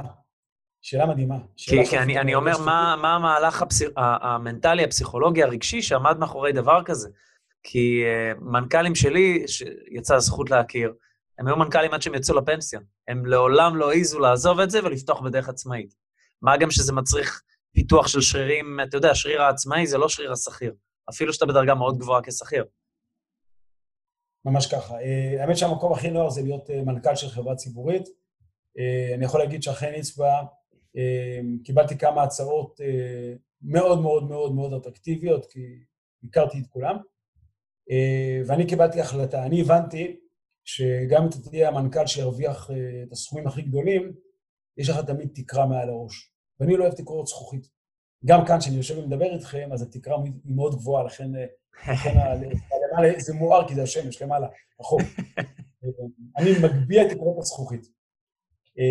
ואני לא אוהב תקרות זכוכית, זה דבר אחד. דבר שני, אני, הדבר הכי חשוב לי בחיים, מעבר למשפחה כמובן, ולאהובי נפשי זה ה- to be free man, החופש. אה, אני אוהב להיות אדם חופשי, ואני גם סומך על עצמי. אה, אז קיבלתי כמה הצעות להיות אה, מנכ"ל של מהחברות הגדולות במשק, ואני קיבלתי את ההחלטה הכי לא הגיונית בעולם, לקחתי תרמיל ונסעתי להודו לכמה חודשים. פשוט מדהים. בהודו הייתה לי הרבה תקופה של התבוננות לתוך עצמי ועל העולם, והכי חשוב להגיד, כשעליתי על המטוס לדלהי, להודו, אני הורדתי את הדרגות מהכתפיים. אה, טיילתי שם עם אנשים שהם היו אה, מחצית מגילי. אה, כמובן שהכל היה בגובה העיניים, כי גם נקודה מאוד חשובה, לדבר עם כולם, או לדבר עם כולם בגובה העיניים, ואז ההפריה ההדדית תהיה הרבה יותר משמעותית. ולמדתי המון דברים על עצמי ועל העולם ועל אנשים ועל בני אדם ועל הפסיכולוגיה שמניעה בני אדם, וחזרתי לארץ עם המון תובנות, אבל חזרתי למדבר. כי בעצם אף אחד לא חיכה לי. כי אמרו לי לפני שנסעתי, וגם צדקו, אמרו הרבה מאוד מההצעות האטרקטיביות פשוט ייעלמו, כי אנשים אחרים התמנו. אמ, עדיין היו כמה הצעות, אבל אה, זה לא שכנע אותי, אמ, ולכן אה, בצד אה, לימוד מקצועות חדשים, כל מיני מקצועות שעוסקים בנפש האדם, התחלתי אז להקים את העסקים הפרטיים שלי, וזה היה במקום מאוד מאוד מאוד לא נוח. אבל לא היה במקום מאוד חופשי. זה המקום של יוזמה, זה המקום שבעצם אני קם בבוקר, ואני מחליט לאיפה החיים שלי הולכים, ואז התחלתי גם את הפעילויות החברתיות המשמעותיות. אה, כי בעצם אף אחד לא יכול היה אה, להגיד לי שום דבר, אה, מה לעשות בבוקר. אני אתן דוגמה קטנה שרק תשקף את מה שהיה אז. אני בראשית 2004 פגשתי בחור עיוור, שבעצם חיפש מישהו שיאמן אותו בריצה, ואני התחברתי אליו, והתחלתי ללמד אותו, הוא לא רץ אפילו חצי מטר, ואז המצאתי את ההמצאה שאני אה, הולך איתה, זאת ההמצאה. המצאה פשוטה. זה זוג לולאות גומי, ככה אני נקשר בעצם לאדם שאני מלווה אותו, אנחנו נקשרים פרק יד לפרק יד, וככה אני בעצם מלווה אותו בריצה. אני שומר עליו שלא יקרה לו שום דבר רע במהלך הריצות, אנחנו רצים בשבילים, והרבה מאוד מכשולים.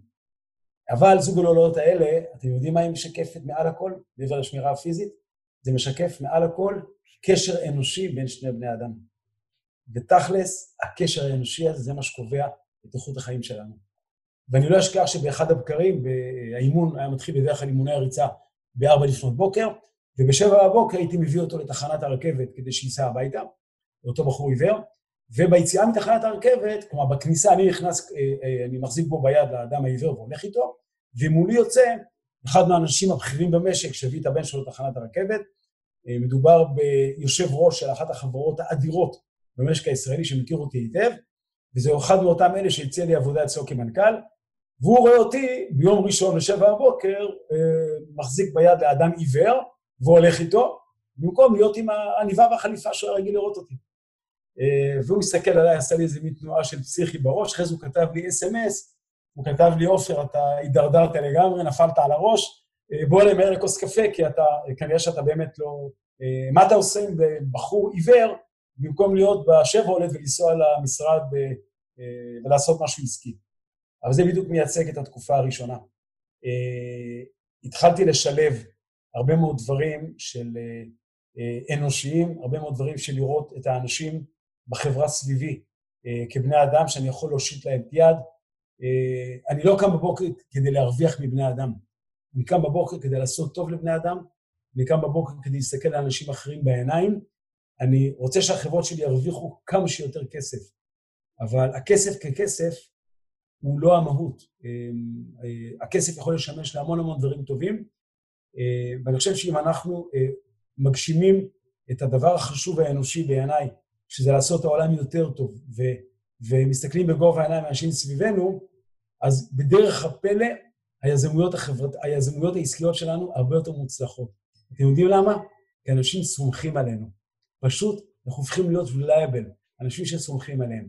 וכשאתה קם בבוקר ואתה מגיע לחדר הישיבות, ואתה מסתכל בעיניים של האנשים, ואתה מסתכל בעיניים באהבה, ואתה יודע שאנשים סומכים עליך, אז הם ילכו אחריך באש ובמים, והם ישקיעו את הכסף שלהם בפרויקטים שתוביל, גם אם לא בטוחים, אבל הם בטוחים בדבר אחד, שאתה תהיה ישר איתם, ואז אתה יכול להרשות לעצמך להיות עוד יותר חופשי, כי אז אין גבול ליוזמות. ואתה יכול בעצם לפרוץ את כל תקרות הזכוכית, גם עבור עצמך וגם עבור האנשים שאתה אה, מלווה או מוביל אותם. עופר, אני... למי שלא מכיר את פועלך, קצת טעימה מהדברים שאתה מתעסק היום. איפה אתה, איפה אתה, והחברות שלך, איפה אתם עושים נדל"ן, באיזה מדינות, גם בארץ, גם בחו"ל. כן. תפרגן לעצמך, תחלוק עם האנשים. אז מעבר לזה שיש לי uh, שמונה ארגונים חברתיים, uh, שאני אגיד את זה במשפט אחד, כי זה מאוד חשוב, כי זה חלק מהפעילות, אנחנו מאמנים אנשים עם מוגבלויות, uh, אני מלווה אנשים עם מוכות, אני, יש לי עמותה לשיקום נוער במצוקה ובצווי סיכון, יש לי ארגון שנקרא לראות את השקופים. בחברה הישראלית יש לי ארגון שנקרא אכפת לי ממך או אכפת לי ממך, אה, ועוד מספר דברים. אני, אני מוביל משלחות אה, של אנשים עם מוגבלויות לפסגות הערים הכי גבוהות בעולם. בגלל זה מספר סרטי קולנוע, אני, אה, אם תרצו, אני אשמח לספר לכם. והפעילויות העסקיות מתחלקות היום. יש לנו את חברת GLM ישראל, חברת, חברה יזמית גדולה מאוד שיושבת בתל אביב. יש לחברה שלנו עשרות פרויקטים יזמיים. אה, אנחנו מתעסקים בבנייה למגורים. אני בעקבות הניסיון של שנת 2000 אה, הלכתי יותר לרזידנשל, לבנייה למגורים, כי זה המוצר שאנחנו כולנו יודעים שגם בעיתות משבר אה, תמיד אנשים יצטרכו מקום לגור בו. אתם יודעים שאם מדרגים את השווקים המסוכנים, השוק המסחר והמשרדים מסוכנים בהרבה כמובן משוק המגורים. שוק המסחר והמשרדים בנוי בעיקר על אוקיופנסי, על שיעור תפוסה, שקשה מאוד לשלוט עליו בטווח הארוך. הנה, אנחנו עכשיו נמצאים בקורונה, ושווקי המשרדים לדעתי והמסחר יחטפו מכה אנושה. מגורים, גם אם תהיה האטה בתקופה מסוימת, אנשים, האוכלוסייה גדלה, ואנשים יצטרכו לגור במקומות מסוימים. אנחנו כאסטרטגיה של חברה יזמית, אנחנו בעצם מקימים את כל בנייני המגורים שלנו באזור המרכז. אנחנו פועלים ב, אה, בתל אביב, אה, בצפון תל אביב, בדרום תל אביב, פועלים ביפו, בשוק הפשפשים, אה, השלמנו שם שני פרויקטים לאחרונה, פעילים ביהוד, השלמנו עכשיו בניין של 15 אה, קומות ביהוד, שבעצם מכרנו כמעט את כל הדירות לגמרי, פרויקט עם רווחיות מאוד גבוהה. יש לנו פרויקטים רבים ברמת גן, בגבעתיים, בבת ים, ובעצם הרעיון אומר שאנחנו בעצם נמצאים יוזמים באזורי ביקוש המרכזיים, שגם, וזה בא מהגישה הקונסרבטיבית שלי, שלנו, אני לא לבד, שגם בעיתות משבר שבהם השוק מפסיק לתפקד, אנחנו בעצם, תמיד הביקוש באותם מקומות יהיה ביקוש קשיח. ואנחנו לא ראינו פילים לבנים בפרויקטים למגורים בתל אביב כבר עשרות שנים. אין פילים לבנים. כשאתה אומר פיל לבן, תפרט לאנשים שלא מכירים את הביטוי. שבאמצע נתקעים כי לא מסוגלים להשלים את הבנייה ואין מכירות במהלך הפרויקט. אחד הדברים החשובים כשיוצאים לפרויקט נדל"ן, למגורים, זה, אני מאוד ממליץ על ליווי בנקאי שבעצם מספק את כל הערבויות ואת רשת הביטחון בתקופת הבנייה ואת כל ערבויות המכר לרוכשי הדירות, נותן שקט, ואחד העקרונות הוא תמיד למכור חלק מסוים מהדירות מראש כדי לא להיות במצב שצריכים לממן ממקורות עצמיים אם פתאום נתקעים ולא מצליחים למכור. לראיה, אנחנו נמצאים היום מכמה פרויקטים פתוחים ברמת גן, בגבעתיים ועוד, ועוד כמה ערים, וכמות הדירות שמכרנו בשלבים הראשונים בעצם נותנת לנו כרגע אפשרות לשבת בשקט אפילו שנה וחצי ולתמרן את מועדי המכירות לפי מה שנוח לנו. מדהים. זה בא מתוך אותה גישה קונסרבטיבית. אנחנו מקימים עכשיו, למשל, ברחוב כצנלסון בגבעתיים, שני בנייני מגורים של 51 דירות. כבר מכרנו חלק גדול מהדירות. יש לנו פרויקט ברמת גן, יש לנו כמה פרויקטים ברמת גן, ששם אנחנו נמצאים כרגע בהקמה של שלושה פרויקטים, בהיקף של כמה עשרות דירות כל פרויקט, ועוד ועוד ועוד. יש לנו שלוש חברות נדל"ן בגרמניה, שמחזיקות בנכסים מניבים, נכסים מניבים רבים, בנייני מגורים. חברה אחת פעילה במערב של גרמניה, חברה אחת במזרח, ועוד חברה פעילה ביזמויות. אנחנו גילינו בעצם את, את אותו ארביטראז', את אותם פערי מחירים בין השווקים, וניצלנו מצבי שוק ורכשנו בנייני מגורים בסכומים מאוד מאוד נמוכים, עם תשואה מאוד מאוד גבוהה. אנחנו לא מכרנו אותם לאף אחד, אנחנו מחזיקים אותם כנכסים מניבים. יש לנו קווי אשראי מאוד נוחים מול הבנקים הגרמניים בזכות האמון, אותו אמון שדיברתי עליו במהלך השיחה, ובעצם אנחנו מסוגלים לקבל שם מימונים non-recourse, ארוכים, כך שההשקעה cash on cash, ההשקעה במזומן, היא מאוד קטנה, הנכסים גדולים. וכמובן שאנחנו השקענו באותם מקומות, גם במזרחה של גרמניה וגם במערבה של גרמניה, וגם במרכז, באותם מקומות שאנחנו מזהים מעבר לתשואה הגבוהה, גם אפשרות לעליית ערך של אותם בניינים, בגלל אופי האוכלוסייה באותם מקומות, גם בעיתות משבר. פעילות נוספת היא פעילות בפולין, פעילות יזמית דומה לפעילות הגרמנית, ועוד פעילות היא פעילות בארצות הברית להקמת בנייני מגורים. זה ככה ב-roughly, ויש עוד פעילות, אמרתי, שהיא פעילות נדל"נית, יותר פעילות, אני מלווה הרבה מאוד עסקים. יש לי בעצם קרן שעכשיו אני עומד בעצם להקים אותה מחדש, היא פעילה עד עכשיו לא בצורה של קרן, אלא בצורה של חברה, שבעצם מלווה יזמים ועסקים שזקוקים לחמצן כדי או להבריא את עצמם, או כדי לקום מתקופות משבר כמו תקופת הקורונה. ואני עומד להקים עכשיו קרן שבעצם תעזור להרבה מאוד עסקים כאלה, על ידי מתן חמצן ועזרה בהבראה, ובכל אותם עסקים, ורוב העסקים רוצים את זה, בעצם אני, אנחנו תופסים פוזיציה בבורד, במועצת המנהלים של אותה חברה, כדי להיות שותפים להחלטות וכדי לנסות להבריא אותה, ויש לנו אופציה גם להיות תמיד שותפים באותן חברות. אז גם לתת חמצן ולעזור, גם להבריא וגם להיות שותפים, וגם ליהנות מהאפסייד מאותן חברות, כי אנחנו מוצאים אותן במצבי מצוקה לא פשוטים. מדהים. אוקיי, רגע, שנייה, אנחנו מתקרבים לסיום. כמה שאלות, רק שנייה. הכין אותי מראש, שנייה. אוקיי, קודם כל, יש לך ניסיון מטורף, ראית כבר הרבה משברים. איך אתה מעריך את ההשפעות בשוק הנדל"ן הישראלי? קודם כל, בכלל, ככלל, איך אתה רואה את הנדל"ן בארץ ביחס לעולם? האם מבחינתך זה עוד שוק כמו כל שאר השווקים, או שאתה מסתכל עליו בצורה קצת שונה? האם בעיניך הוא יוצא דופן? והחלק השני של השאלה, מה אתה צופה בשנים הקרובות עקב מה שקורה עכשיו עם הקורונה? אז קודם כל, השוק הישראלי הוא שוק, הוא שוק אחר, קודם כל, by definition, בהגדרה, מאוד צפופה. אנחנו נמצאים במצב פרמננטי של עודף ביקוש מאוד גדול על פני ההיצע הקיים.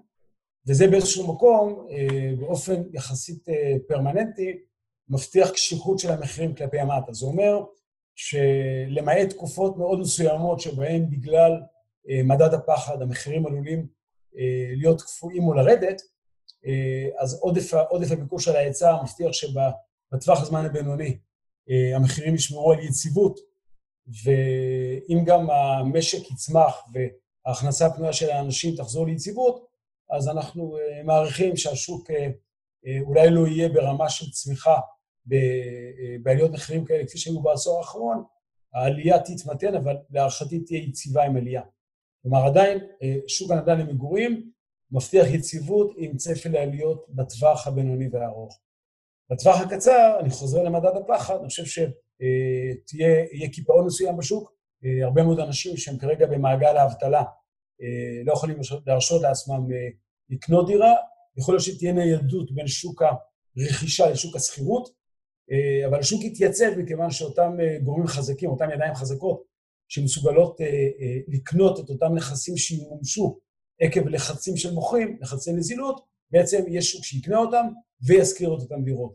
אז בטוטל, אני חושב שתהיה כאן נקודה של שיווי משקל, אני חושב שהשוק יתייצב בהחלט ויוכל להגיע למצב של יציבות מחירים, ואל תיקחו ללב מה שיקרה בחודשים הראשונים. מאוד יכול להיות שהחודשים הראשונים ייצרו איזה מין אשליית פאניקה, לא להתרגש. אני מציע גם לא לממש מהר מדי, אני יכול לתת כמעט ערבות שתוך כמה חודשים השוק יחזור לשפיות וליציבות. זאת אומרת, עופר, מבחינתך, בהסתכלות על השוק הישראלי ביחס לשווקים אחרים, זו השקעה מאוד סולידית כשמסתכלים על הנישה למגורים. נכון, אני חושב שאין לנו בועה בארץ, אני חושב שהשוק הוא יציב, ובהחלט אני מסתכל עליו, בהסתכלות, עוד פעם, כשאני אומר את המילה יציב, תסתכלו שנה קדימה. כלומר, אל תתרגשו ממה שקורה בחודשים הקרובים, שהם לא משקפים כלום, אנחנו נמצאים עדיין באירוע היסטורי. כלומר, אם אתם יכולים לא לממש כרגע, אל תממשו, בטח לא לממש בהפסד, תמתינו בסבלנות. אם אתם רוצים לקנות, תערבו בסבלנות להזדמנויות, הם יבואו דווקא בחודשים האלה. Oh. כלומר, שני הצדדים יכולים פה בהחלט להרוויח. אני חושב שכל מי שירצה כרגע לחפש הזדמנויות, אני מרגיש כרגע, אני אומר עוד פעם, יזמי הנדל"ן היציבים ירגישו ממש כמו בחנות ממתקים, כי, כי זה שוק מאוד מאוד מרתק. תהיה כאן תנועה מאוד גדולה, אגב, שצריכים לשים לב אליה, ייתכן שהיא תהיה הגל השני, מכיוון שהרבה מאוד שטחי משרדים ומסחר יתפנו, אז זה יכול להיות שיהיה תהליך של קונברג'ן, של המרה, של שטחי משרדים לשטחי מגורים. זה מאוד מאוד תלוי במדיניות הממשלתית. בקיצור, יהיה כאן מעניין ויהיה כאן שמח בתקופה הקרובה. אני חושב שהאשראי הבנקאי גם אני מקווה שיהיה עידוד ממשלתי, דווקא עשוי להשתפר בתקופה הזאת. אנחנו יודעים שהמשכנתאות יתייקרו כרגע, בשלב הראשון, בגלל, ה, בגלל שהסיכון גדל, אבל אני מעריך שבאיזשהו שלב זה יהיה אינטרס משותף גם של הממשלה וגם של הבנקים, להזרים אשראי לשוק הנדל"ן, אפילו היה, הייתה התבטאות מגורמים, ממשלתיים לעניין הזה, וזה גורם מאוד מאוד חשוב. הנושא של המימון לענף הנדל"ן הוא דבר מאוד חשוב, ובניגוד ל-2008, אני צופה שהמצב יהיה בהקשר הזה הרבה יותר יציב. כי הבעיה לא מתחילה בנדל"ן, הבעיה התחילה מהריאות בכלל, מהעניין הבריאותי. אה, לא לשכוח שעדיין המימון בישראל הוא מימון ריקורס, ולכן אה, אני ממליץ אה, לממן את הנכסים שאתם קונים, בעיקר משותפויות שתעשו עם גורמים, לחבור עם גורמים שיש להם כסף, ולעשות איתם ג'וינט ונצ'רים, אתם תביאו למשל את הנכס שתמצאו, אותו גורם יוכל להביא את ההון, ישב ביחד אה, אה, לעשות עסקאות מאוד מאוד יפות, גם עסקאות של לקנות דירה, לשפץ אותה ולמכור אותה, או להשכיר אותה בתשואה גבוהה. אני חושב שהתשואה על דירות אה, בטווח הבינוני תעלה דווקא, כך שאני מאוד אופטימי, אבל תזכרו שזה שוק ריקורס. אין לנו פה את היתרונות של שוק שאנחנו לא נותנים ערבות אישית. אם נסתכל החוצה, אני חושב שהעיניים באופן מאוד מאוד טבעי טסות לאמריקה, בגלל התרבות האמריקאית. אנחנו יודעים שה... אה, בעצם דיברנו הרי שהאלמנט הפסיכולוגי פה קובע הרבה מאוד מה, מהתנודות של הכלכלה, אז uh, אני צופה, uh, אני לא מאחל את זה, אבל אני צופה שהאמריקאים יגיבו בצורה, ככל שהמשבר יתמשך ונראה יותר, יותר פגיעות בריאותיות בארצות הברית, או בניו יורק במיוחד, אנחנו נראה את המשקיעים שם זורקים נכסים, זורקים מניות, ואז השווקים ירדו בצורה תלולה. אם אכן זה יקרה, ואני באמת לא מאחל את זה, אבל אם זה יקרה, וכרגע לפחות נראה שזה עומד לקרות, אני חושב שיהיו הזדמנויות נדל"ן ברמה היסטורית בארצות הברית, ובהקשר הזה אני יכול לספר, לא סתם אני יוזם הקמת קרן אה, לאיתור הזדמנויות נדל"ן, אני קורא להן אה, נדירות היסטורית בארצות הברית. אנחנו כבר, אה, נתתי הנחיה לאנשים שעובדים אה, אצלי, לאתר, אם יושבים על המדדים שהיו ב, בשני המשברים האחרונים משנת 2000, משנת 2008, בודקים מה קרה עד היום, אנחנו פשוט ממפים את כל, ה, את כל ארצות הברית ומתרכזים, מתרכז באזורים מסוימים. אני מעריך שתוך uh, חצי שנה אנחנו uh, נראה פה הזדמנויות בלתי רגילות, שפשוט אנשים יוכלו לעשות עשירים. אני, אני לא אוהב להיות נביא אופטימי כזה שבא ואומר יהיה רק טוב, אבל מי שישקיע בחוכמה ויצליח גם לגייס הלוואות נון-ריקורס, או הלוואות ממשקיעים נגיד, אני חושב שיש כאן uh, uh, עולם ממתקים עצום, שיספק פה הזדמנויות היסטוריות uh, כדי לעשות את זה. בהקשר הזה, מי שלא, מי שלא בקיא ביזמות, מה שנקרא בקניית קרקע או בניין כדי לבנות, יכול להסתפק בעסקאות פשוטות יותר. לפעמים הפשטות מנצחת, לא לשכוח. זה אומר, קונה דירה, אני, התחלנו בבאר שבע, אז בואו נחזור. דירה קטנה, לשפץ אותה, לעשות איזו תפירה קטנה, פרקט, קצת uh, להחליף משקופים, אה, אה, לצבוע אותה יפה ולהשכיר אותה, וכעבור שנתיים-שלוש שהמשבר יעבור, או כעבור שנה שהמשבר יעבור, למכור אותה ברווח. אפשר לעשות עסקאות נהדרות, לדעתי, גם בבאר שבע, גם בדרום תל אביב, אה, גם בלוד, גם ברמלה, גם במנהטן וגם בברוקלין או בקווינס, ששם כבר המחירים ירדו, התחילו לרדת. בקיצור, אנחנו נמצאים לפני תקופה אדירה, ולא דיברנו מילה על אירופה, כי גם שם אנחנו נעבור את אותם תהליכים. חושב שעופר, יש סיכוי שאנחנו נראה בארצות הברית עכשיו התמוטטות במחירי הנדל"ן כמו שראינו ב-2008-2009? אתה חושב שיש סיכוי שזה יגיע למימדים האלה שוב? קשה להאמין, קשה להאמין, כי אז המשבר היה משבר נדל"ניסטי, משבר של, כמו במשבר הסאב פריים, מה שקרה, שפשוט הבנקים נתקעו עם, אה, עם כמות אדירה של נכסים שלא היה מה לעשות בהם. Uh, הפעם המשבר לא מתחיל מהנדל"ן, הפעם זה יבוא לדעתי, אה, נכון לרגע זה, בצורה פחות חדה אה, בנדל"ן, אבל מספיק חדה, כי מדד הפחד ינהל פה את, ינהל את ההחלטות. עכשיו, אם לדוגמה אנחנו נראה שינויים אה, שהציבור האמריקאי לא יראה בהם שינויים טובים, למשל, יש בחירות בנובמבר בארצות הברית. העיתוי של הבחירות הוא עיתוי דרמטי. אם אחוז האבטלה, אם שיעור האבטלה בארצות הברית יעלה בצורה דרמטית, ובאופן ממוצע אה, האמריקאים יראו מדדים לא טובים, אז מה שישתלט על הציבור האמריקאי זה מדד הפסימיות, ואנחנו כמשקיעים בנדל"ן יודעים שכשיש מדד של פסימיות, אז אה, מדד העושר של המשקיעים גדל. זה הולך הפוך. אה, ככל שהציבור האמריקאי בפאניקה, אז המשקיע, משקיעי הנדל"ן יודעים, וואלה, אז עכשיו מתחילים למכור, ואם שוק המניות יתמוטט, יעבור עוד כמה, ואנחנו לא יודעים להגיד את זה כרגע, אני לא רוצה להיות נביא, אה, שוב, אני לא מאחל את זה, אז אם שוק המניות ירד, אז uh, אנשים כבר מימשו הרבה מאוד תיקי מניות ומתחברים למזומן. הריבית היסטורית היא ריבית אפסית, אפילו שלילית, וכשאנחנו יודעים שיש חוק טבע בנדל"ן, כשהריבית נמוכה, הנדל"ן עולה, זה הולך במקומות הפוכים, ולכן הריבית הנמוכה מזמינה כרגע להסתכל על הנדל"ן בכל העולם, ובעיקר בארצות הברית. אה, מה שיקרה שם זה בטוח. האם זה יהיה קיצוני כמו 2008? לא נראה לי כרגע, אבל אנחנו לא עוסקים בנבואה, אנחנו אנשים צנועים שמנתחים את הנתונים מהיום למחר, רוצים לבדוק מה קורה, ואז בונים את התחזית. ובעיקר, תישארו שמרנים, תתייעצו עם מומחים, ותעשו את הכל עקב בצד אגודל, בלי החלטות חפוזות. מדהים, מדהים. עופר, כמה דברים קטנים לסיום. עצתך למאזינים שלנו, על איך לשפר את איכות חייהם, להפוך את החיים למאושרים יותר. תראו, אה, יש משפט שדווקא גיא אמר, באחד ה... אה, הבן שלי גיא הוא איתי בכל, ה... אה, בכל אותם מיזמים חברתיים, וגיא אמר משפט באחד הראיונות לעיתון, הוא אמר, אני חי כמו שאני רוצה שהעולם יהיה. וזה משפט משפחתי.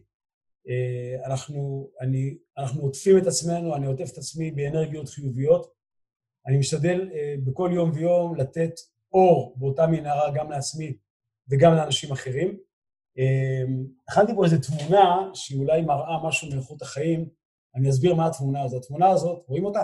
כן. התמונה הזאת מראה אותי, ציור שלי שציירה אותי. אה, בחורה עם פגיעת ראש קשה, באחד מהמסעות המאתגרים. אני הוצאתי קבוצה של אנשים עם מוגבלויות לפסגת הקילימנג'ארו. זו הייתה המשלחת הראשונה בהיסטוריה שיצאה לטפס על פסגת ההר, וזה היה מסע דרמטי, יש גם יש סרט קולנוע שנעשה על המסע, שנקרא אין הר גבוה מדי, ואותה בחורה בתום המסע ציירה אותי, ובאה אליי הביתה ונתנה לי את זה, וכתבה לי את המשפט הבא. היא כתבה לי, עופר היקר, תודה ממעמקי הלב שבחרת בי להיות חלק במסע, שהיית לי ולרבים אור בקצה המנהרה. אז עבורי זאת מהות החיים. אה, ככה אני בעצם בונה את היציבות בחיים, אה, כמו בכלכלה, כמו בנדל"ן, ככה בחיים. אה, אני מאוד מאמין בלבנות לעצמנו חיים מאוזנים, חיים יציבים, להבין שהאהבה זה לא קלישאה, האהבה זה החיים שלנו, ואנחנו, האהבה שלנו גם לעצמנו וגם לאנשים אחרים, הופכת אותנו לאנשים טובים יותר, ותמיד כשאני קם כל בוקר, וזה מה שאני מייעץ לכם, אתם קמים כל בוקר, תנסו לראות איך אתם עושים מעשה טוב אחד לפחות לאדם אחד בעולם. אה, אני למשל עכשיו אה, הקמתי קו שנקרא קו העידוד. אני כל יום בתקופת המשבר של הקורונה, אני מרים טלפון אה, לפחות לעשרה אנשים, שאני יודע שהם בודדים והם בקשיים, ואני פשוט מעודד אותם. וכמו שאני מעודד אותם, אני גם מעודד את עצמי. וכשאני קם בבוקר, אז אני מקפיד לעשות פעילות ספורטיבית, ואני מקפיד לעטוף את עצמי באנרגיות חיוביות, אני לא רואה חדשות כל היום, אני רואה חדשות פעם ביום, אני לומד כל הזמן, אני רואה הרצאות מעניינות, אני לומד גם נדל"ן, אז מה אם אני 30 שנה בתחום? אני אומר בצניעות, אני יכול תמיד ללמוד מכל אדם, ואני אשמח ללמוד מכל אחד מכם. אני אומר את זה בשיא היושר והכנות, ואני אוהב לקרוא ספרים, ואני אוהב לכתוב, ואני חושב שאנחנו, אה, אה, אם אנחנו יצירתיים, אז אנחנו מעשירים את הנפש שלנו, אבל בעיקר תהיו טובים לאנשים אחרים, ו... כל יום בסוף היום תשאלו את עצמכם, טוב, אז מה, אז מה המעשים הבאמת טובים שעשינו במהלך היום? ואז תרגישו הכי מאושרים בעולם. עופר יקר, אתה... אין לי מילים, תודה רבה. על הזמן, על השיתוף, על הכל. תודה. תודה ענקית. תודה. להתראות. חיבוק ענק, תודה. שיהיה לכל מי ששומע את זה יום נפלא, ושבוע נפלא ובריא. ושתקופת הקורונה תעבור על כולנו כמה שיותר מהר וכמה שיותר בקלות.